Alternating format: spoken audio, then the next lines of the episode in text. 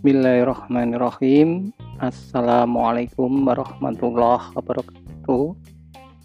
Selamat berjumpa di Sasana Ilmu Perpustakaan SMA Negeri 1 Kretek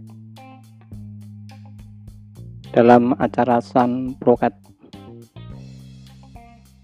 Pada siang hari ini kita berjumpa di udara bersama Bapak Yukrianto, Guru Bahasa Indonesia.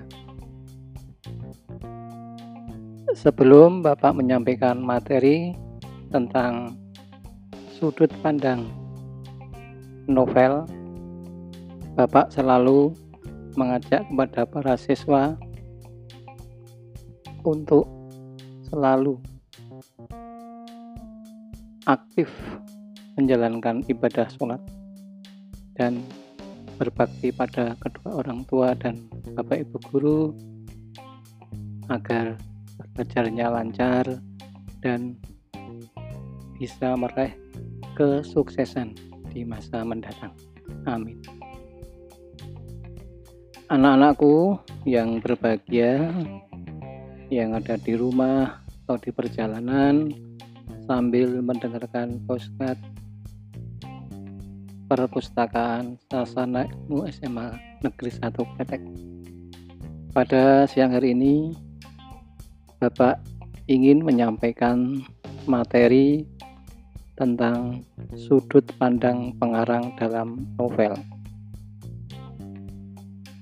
Apa yang disebut dengan sudut pandang itu atau point of view yang disebut dengan sudut pandang pengarang adalah cara pengarang menyampaikan cerita dalam bentuk novel. Atau bisa juga ada pengertian yang mengatakan sudut pandang adalah arah pandang seorang penulis dalam menyampaikan sebuah cerita sehingga cerita tersebut lebih hidup dan tersampaikan dengan baik pada pembaca atau pendengarnya. Dengan kata lain, sudut pandang merupakan cara penulis memandang atau menempatkan dirinya dalam sebuah cerita. Jadi, lebih tepatnya lebih mudah kita pahami yang namanya sudut pandang itu bagaimana pengarang itu menceritakan ide-ide gagasannya dalam sebuah tulisan-tulisan. Sama kalau kita sedang pergi ke pantai pergi ke pegunungan bagaimana kita menyampaikan rasa syukur kita menyampaikan rasa takjub kita kepada ciptaan Allah Subhanahu wa taala. Bukan bisa menggunakan cara aku atau cara orang yang ketiga. Itu yang perlu kita pahami. Kemudian yang namanya sudut pandang itu ada dua. Yang pertama sudut pandang orang pertama. Dan yang kedua sudut pandang orang ketiga. Yang disebut sudut pandang orang pertama artinya bahwa pengarang menggunakan kata ganti aku atau saya. Bisa juga menggunakan kata ganti kami sebagai jamak itu yang disebut sudut pandang orang pertama. Kemudian sudut pandang orang pertama itu dibagi menjadi dua. Yang pertama, sudut pandang orang pertama sebagai tokoh utama. Jadi, sudut pandang orang pertama sebagai tokoh utama di sini Maksudnya, apabila dalam cerita tersebut pengarang masuk dalam cerita dan menggunakan tokoh aku. Jadi, kalau cerita itu tokoh utamanya aku, maka sudut pandangnya adalah orang pertama, pelaku utama. Contohnya, aku sedang mengamati lemari jam berdiri kaku di pojok ruangan. Ukiran jati bertuliskan huruf Jawa kuno menjadi saksi bisu kelahiranku. Di tempat ini 20 tahun yang lalu aku dilahirkan. Jadi contoh tadi tokoh utamanya aku dari awal sudah menyebut aku sampai di akhir. Itu namanya sudut pandang orang pertama pelaku utama. Kemudian yang kedua, sudut pandang orang pertama tokoh sampingan. Ini lebih tepatnya apabila dalam cerita itu tokoh-tokoh ceritanya ada namanya misalnya Hasan, Amir, Budi. Kemudian suatu ketika muncul tokoh aku. Itu namanya sudut pandang orang pertama tokoh sampingan. Contohnya, Brak, sekali aku dibuat kaget dengan suara pintu dari samping kamarku. Erika pergi terburu-buru sambil lari tunggang langgang. Sepertinya ia terlambat kuliah lagi. Erika adalah gadis yang manis. Ia ramah dengan semua orang. Tidak heran jika banyak orang menyukainya. Di sini jelas dalam contoh itu tokoh aku hanya sekali muncul. Kemudian yang mendominasi, yang mendominasi adalah tokoh yang lain, yaitu Erika. Itu namanya sudut pandang orang pertama sebagai tokoh sampingan. Jadi kesimpulannya kalau sudut pandang orang pertama pelaku utama itu tokoh utamanya aku kalau sudut pandang orang pertama tokoh sampingan dalam cerita itu ada tokoh Amir, Hasan, Budi, kemudian muncul tokoh aku. Itu sudut pandang orang pertama tokoh sampingan. Anak-anakku yang saya cintai, saya banggakan yang sedang ada di rumah atau di perjalanan sambil mendengarkan program dari Perpustakaan Sasana Ilmu SMA Kretek dalam program postcard.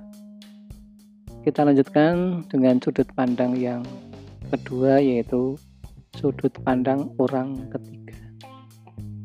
Yang dimaksud dengan sudut pandang orang ketiga di sini pengarang menggunakan kata ganti dia atau mereka dalam bentuk jamak. Kemudian sudut pandang orang ketiga itu ada dua. Yang pertama sudut pandang orang ketiga serba tahu.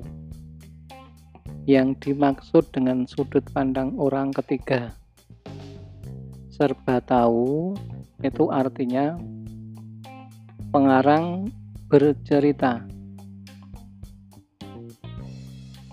sebagai dalang atau pengarang itu menceritakan tokoh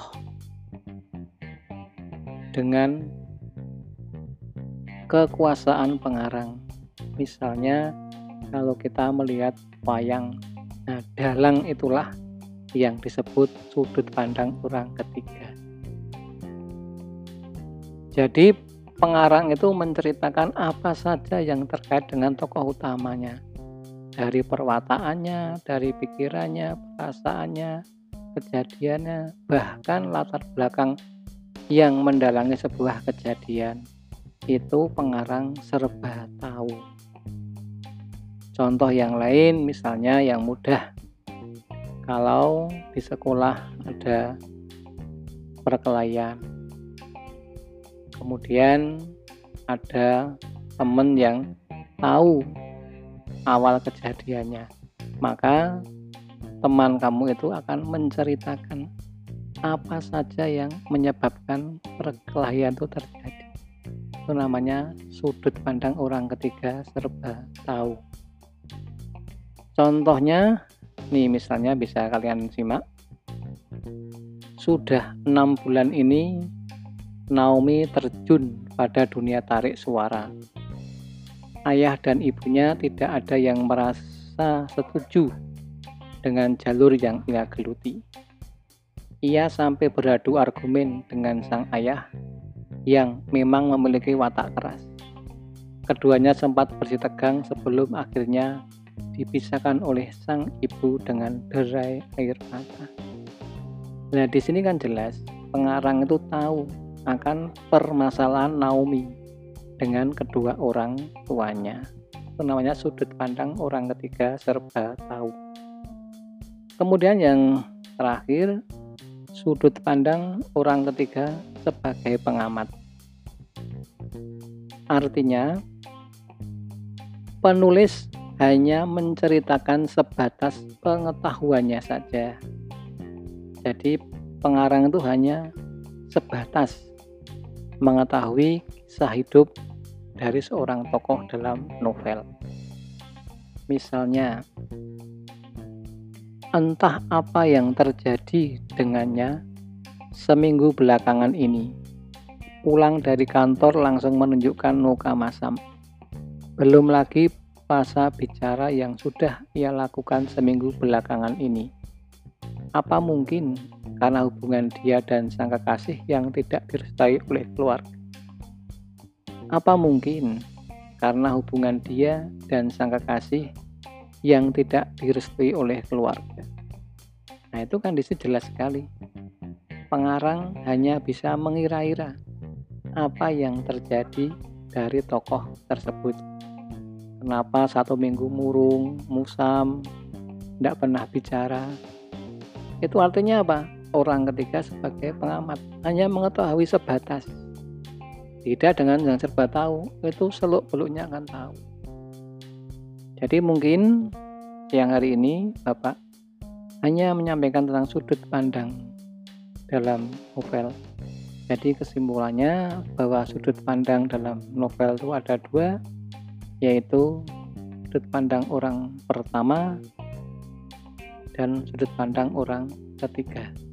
Sudut pandang orang pertama ada dua, sudut pandang orang pertama serba sebagai tokoh utama dan sudut pandang orang pertama sebagai tokoh sampingan. Kemudian sudut pandang orang ketiga ada dua, sudut pandang orang pertama orang ketiga serba tahu dan sudut pandang orang ketiga sebagai pengamat. Mungkin ini yang bisa Bapak sampaikan. Mudah-mudahan bermanfaat bagi semua. Jangan lupa selalu ikuti program dari perpustakaan Sasana Ilmu SMA Negeri 1 Kretek. Sekian dan terima kasih. Assalamualaikum warahmatullahi wabarakatuh.